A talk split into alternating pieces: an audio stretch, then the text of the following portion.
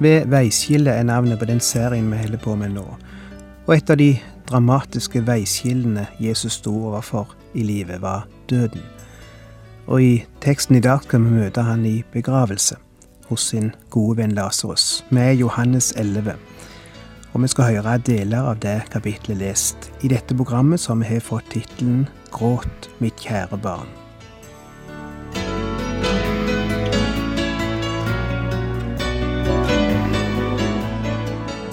Hjertelig velkommen til et nytt program i serien Vindu mot livet. Vindu mot livet er basert på programserien Insight for Living ved Chuck Svindal. Programmet er produsert av Kristen Riksradio og blir ledet av Ola Bjoland.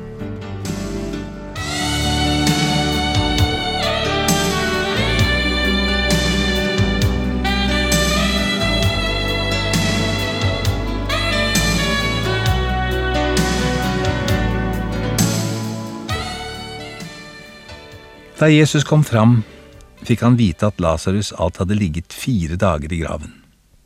Betania ligger like ved Jerusalem, omtrent 15 stadier fra byen, og mange av jødene var kommet til Martha og Maria for å trøste dem i sorgen over broren. Da Martha hørte at Jesus kom, gikk hun for å møte ham. Maria ble sittende hjemme. Martha sa til Jesus, Herre, hadde du vært her, var min bror ikke død men også nå vet jeg at alt det du ber Gud om, vil han gi deg. Din bror skal stå opp, sier Jesus. Jeg vet at han skal stå opp i oppstandelsen på den siste dag, sier Martha. Jesus sier til henne, Jeg er oppstandelsen og livet. Den som tror på meg, skal leve om han enn dør. Og hver den som lever og tror på meg, skal aldri i evighet dø. Tror du dette? Ja, Herre, sier hun, jeg tror at du er Messias, Guds sønn, han som skal komme til verden.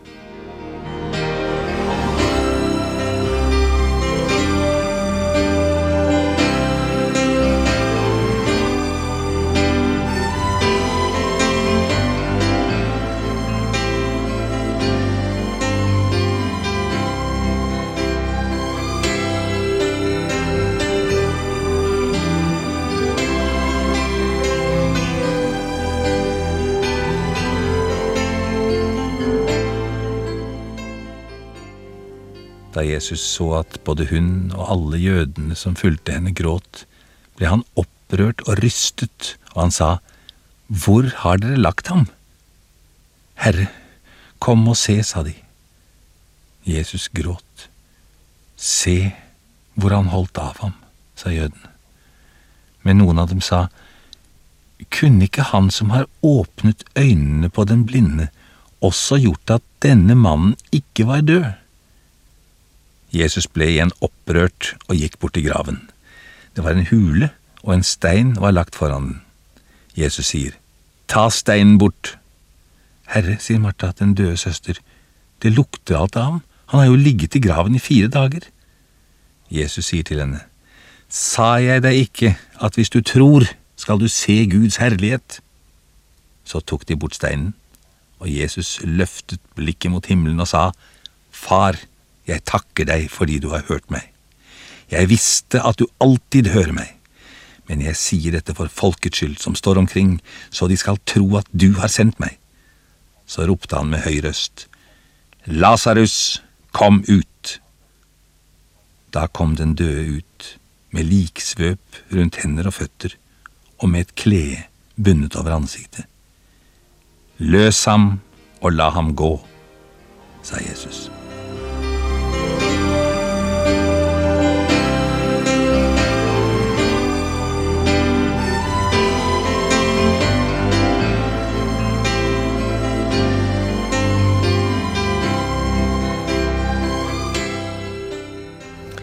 Vi snakker av og til om sorg og sorgreaksjoner.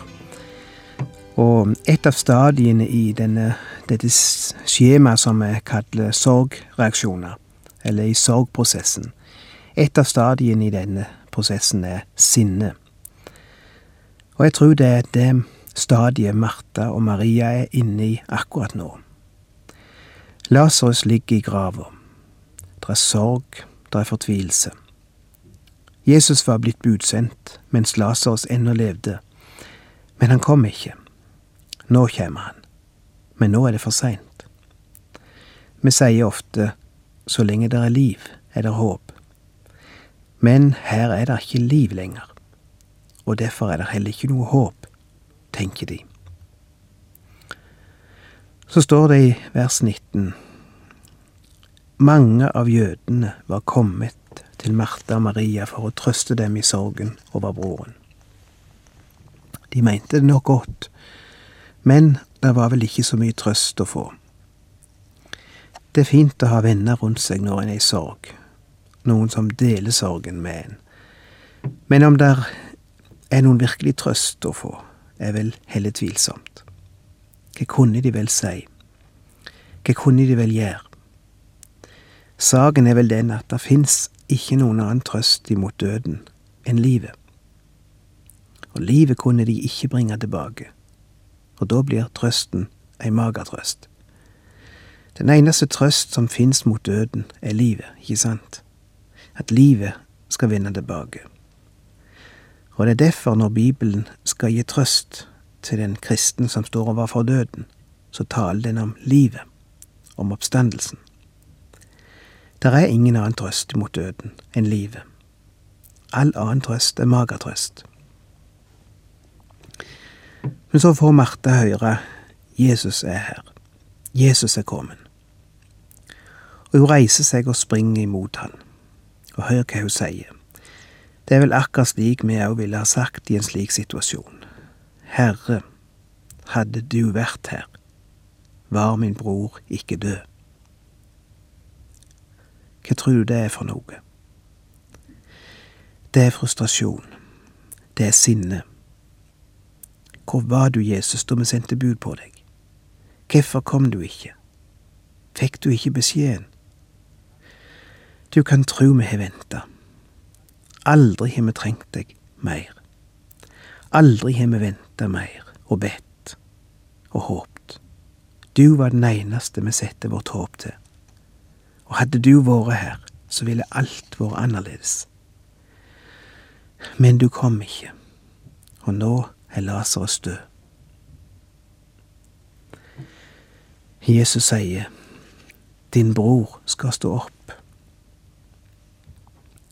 Og her ser vi det så tydelig. Jesus bebreider henne ikke for hennes reaksjon. Det er så naturlig, slik som hun reagerer. Det er noe hvert eneste menneske opplever i møte med døden og tapet, nemlig sinne, frustrasjon. Hvorfor meg? Og vi må aldri komme med bebreidelser mot en slik situasjon, eller en slik reaksjon. Den er naturlig, og den er sunn. Innestengt og fortrengt aggresjon er farlig. For det vil sie seg fast og ligge der som en skjult og farlig sykdom. Jeg vil gjerne si det så sterkt som jeg kan.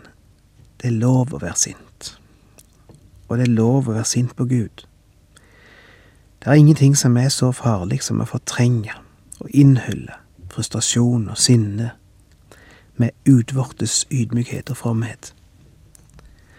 Når du opplever et smertefullt tap, og hjertet ditt blør, da er det ingenting som er så naturlig som å skrike av protest inni ditt hjerte og i dine følelser. Og Gud vet det, og han tåler å høre det. Ikke prøv å forestille deg for Gud. Ikke prøv å skjule følelsene dine. Han ser de likevel. Han vet om de. Og han vil gjerne at du skal komme til han med de, i plassen for å plassere de i et lukka rom inni deg. Der er følelser inni deg og inni meg som Gud gjerne vil høre, sjøl om de følelsene skulle være gale. Jeg tror det er tårer der inne som burde ha kommet fram og kommet ut. Gud vil gjerne sjå de. Men det har liksom ikke vært god takt og tone at vi skal grine. Iallfall ikke vi som er menn. Vi skal skjule tårene. Vi skal bite tennene sammen og være tapre. og også tåpelig. Å, om vi kunne tillate oss sjøl å grine. Og hvis det kan være til hjelp for noen, så kan du gjerne få vite at jeg griner mye. Ikke så ofte åpenlyst, men jeg husker for ikke så lenge siden jeg satt i bilen og grein. Kjørte på riksveien, og jeg vet ikke om noen så det, men jeg brydde meg ikke, for de kjente meg ikke likevel, og jeg grein som jeg ikke gjort siden jeg var et barn. Jeg trodde ikke det skulle stoppe, og jeg følte at Jesus sa der og halvt rundt meg og sa, bare grin du, barnet mitt. Og det var så godt at du kan aldri tro det. En mann forteller Jeg var omkring åtte år da læreren en dag kom inn i klassen og fortalte meg at tanta mi venta utenfor. Hun var kommet for å ta meg med seg hjem. Uten et ord møtte hun meg i hallen og tok meg raskt med seg ut og begynte å gå hjemover. På veien hjem spurte jeg hvorfor henta du meg i dag, tante? Hvorfor tar du meg med hjem ifra skolen før det er slutt? Hardt og kaldt og kort svarte du. Din far er død. Ingen forklaring, ingen trøst, ingen følelse. Vi gikk hjemover i taushet.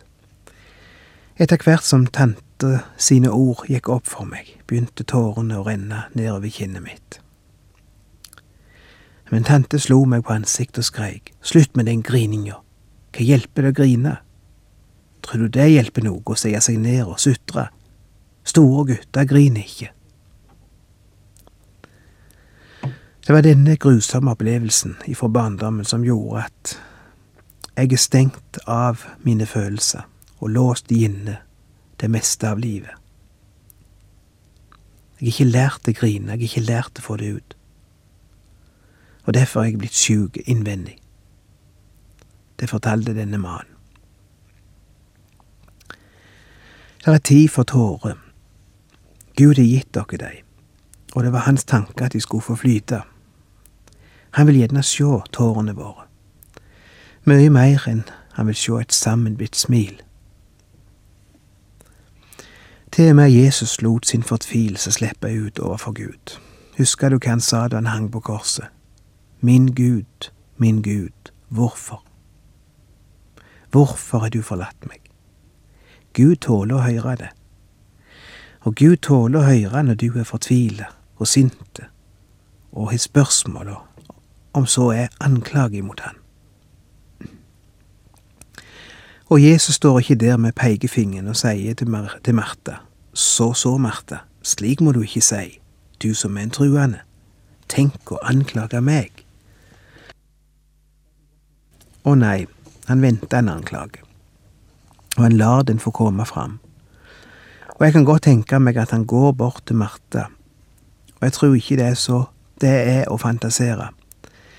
De var ikke noen mekaniske tinnmennesker, disse, heller ikke Jesus. Og jeg tror han går bort til Martha og heller hodet hennes mellom hendene og ser henne inn i øynene. Eller kanskje omfavner henne og heller henne tett inntil seg, mens han sier, Martha, hør på meg nå. Hør godt etter hva jeg sier. Jeg er oppstandelsen og livet.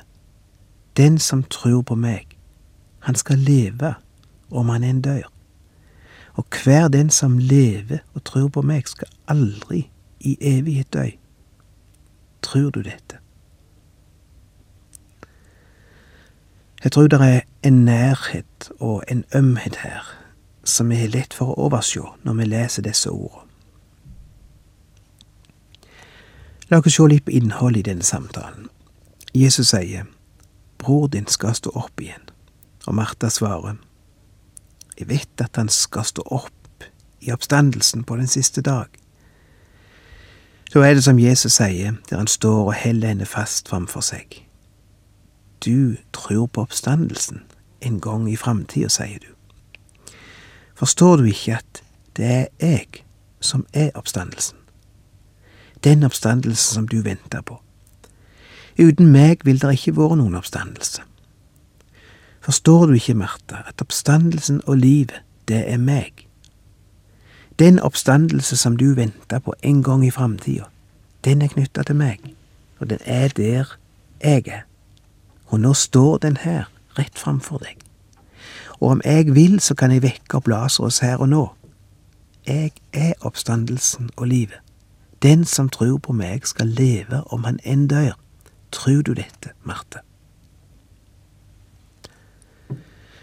Ja, hva ville du svart på et slikt spørsmål, i en slik situasjon? Vi tror jo, og bekjenner hver søndag i kirka, at vi skal oppstå. Jeg tror på oppstandelsen av de døde, sier vi. Men når døden kommer nær, når jeg står framfor kista, og inni den kista ligger en av mine kjære, tror jeg det virkelig da? Tror jeg da at Jesus er herre over døden? Eller når du står på kirkegården, ved grava, og din far eller din mor ligger der, eller ektefellen, eller et av søsknene, eller et barn. Tror du da at det skal skje en dag at Jesus kommer og banker på grava og roper de døde ut? At han skal finne de døde kroppene, som kanskje er blitt til moll, og så skal han vekke de til liv igjen?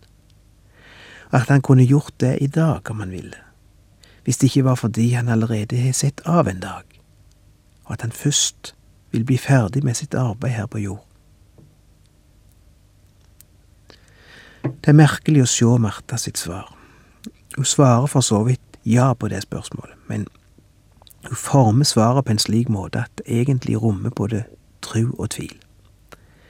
Og det blir en tillitserklæring til Jesus. Det som hun sier, jeg vet nesten ikke hva jeg skal tru, Herre, men jeg tror på deg. Ja, Herre, sier hun, jeg tror at du er Messias, Guds sønn, han som skal komme til verden. Jeg tror på deg, Jesus. Jeg har sett min liv til deg, og jeg vil gjerne gjøre det fortsatt. Men livet byr på så mange vansker, og så mange gåter. Og verst av alt er det når en står overfor dødens skru og uhygge. Da er det ikke alltid så lett å tru. Da er det ikke alltid så like til å stå fram og si med overbevisning jeg tror på de dødes oppstandelse. Da ser det så håpløst ut. Da ser det så ynkelig og smått ut. Men jeg tror på deg, Jesus, og jeg har sett min lit til deg. Mer kan jeg ikke si. Jeg tror at det er dette som ligger i Martha sitt svar denne dagen. Det er et svar som rommer både tvil og tro. Og heller ikke her begynner Jesus å bebreide Martha. Han godtar hennes svar. Det er ikke vantro som ligger i dette svaret, det er bare så vanskelig å helt forstå alt som er hendt. Og Martha lar sin tvil og sin frustrasjon og sine spørsmål komme fram til Jesus. Da hun hadde sagt dette, gikk hun og kalte i all stillhet på sin søster Maria og sa til henne, Mesteren er her og spør etter deg. Da Maria hørte det, sto hun straks opp og gikk ut til ham. Jesus var ennå ikke kommet inn i byen, men var der Martha hadde møtt ham. Jødene som var hjemme hos Maria for å trøste henne, så at hun brått reiste seg og gikk ut, og de fulgte etter fordi de trodde at hun ville gå til graven for å gråte der.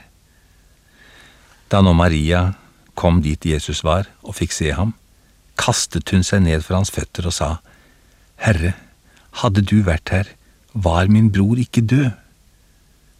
Da Jesus så at både hun og alle jødene som fulgte henne, gråt, ble han opprørt og rystet, og han sa, Hvor har dere lagt ham? Herre, kom og se, sa de. Jesus gråt. Se hvor han holdt av ham, sa jøden. Men noen av dem sa, kunne ikke han som har åpnet øynene på den blinde, også gjort at denne mannen ikke var død? Jesus ble igjen opprørt og gikk bort til graven. Det var en hule, og en stein var lagt foran den. Jesus sier, Ta steinen bort. Herre, sier Martha, den døde søster, det lukter alt av ham, Han har jo ligget i graven i fire dager. Jesus sier til henne, Sa jeg deg ikke at hvis du tror, skal du se Guds herlighet? Så tok de bort steinen, og Jesus løftet blikket mot himmelen og sa, Far, jeg takker deg fordi du har hørt meg. Jeg visste at du alltid hører meg, men jeg sier dette for folkets skyld som står omkring, så de skal tro at du har sendt meg. Så ropte han med høy røst, Lasarus, kom ut!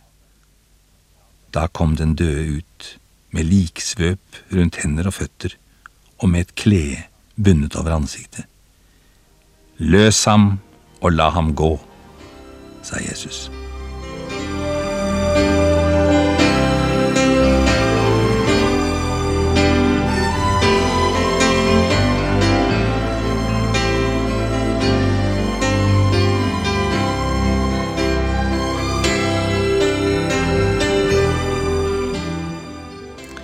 Det var en kjent lekmannspredikant som sa det slik en gang da han talte ved denne teksten.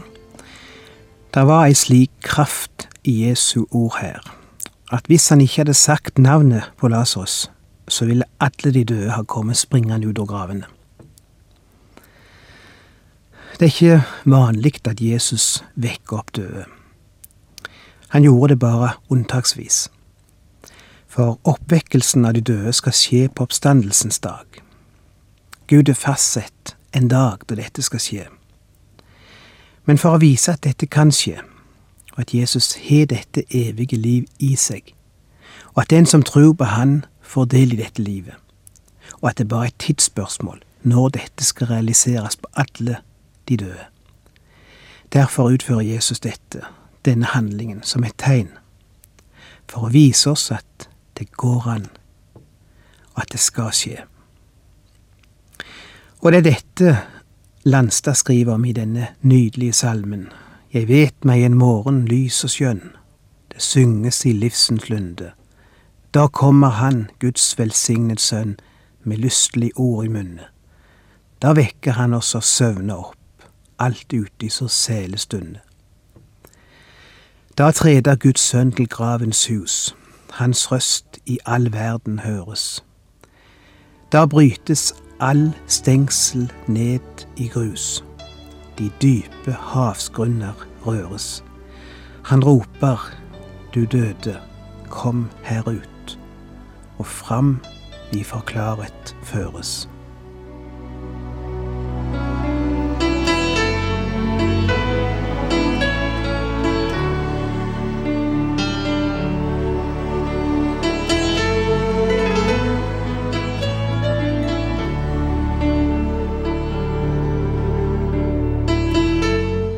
Du har lytta til Ola Bjoland i serien 'Vindu mot livet' fra Kristen Riksradios arkiv. Ola Bjoland var ansatt i Kristen Riksradio inntil han døde i 2002.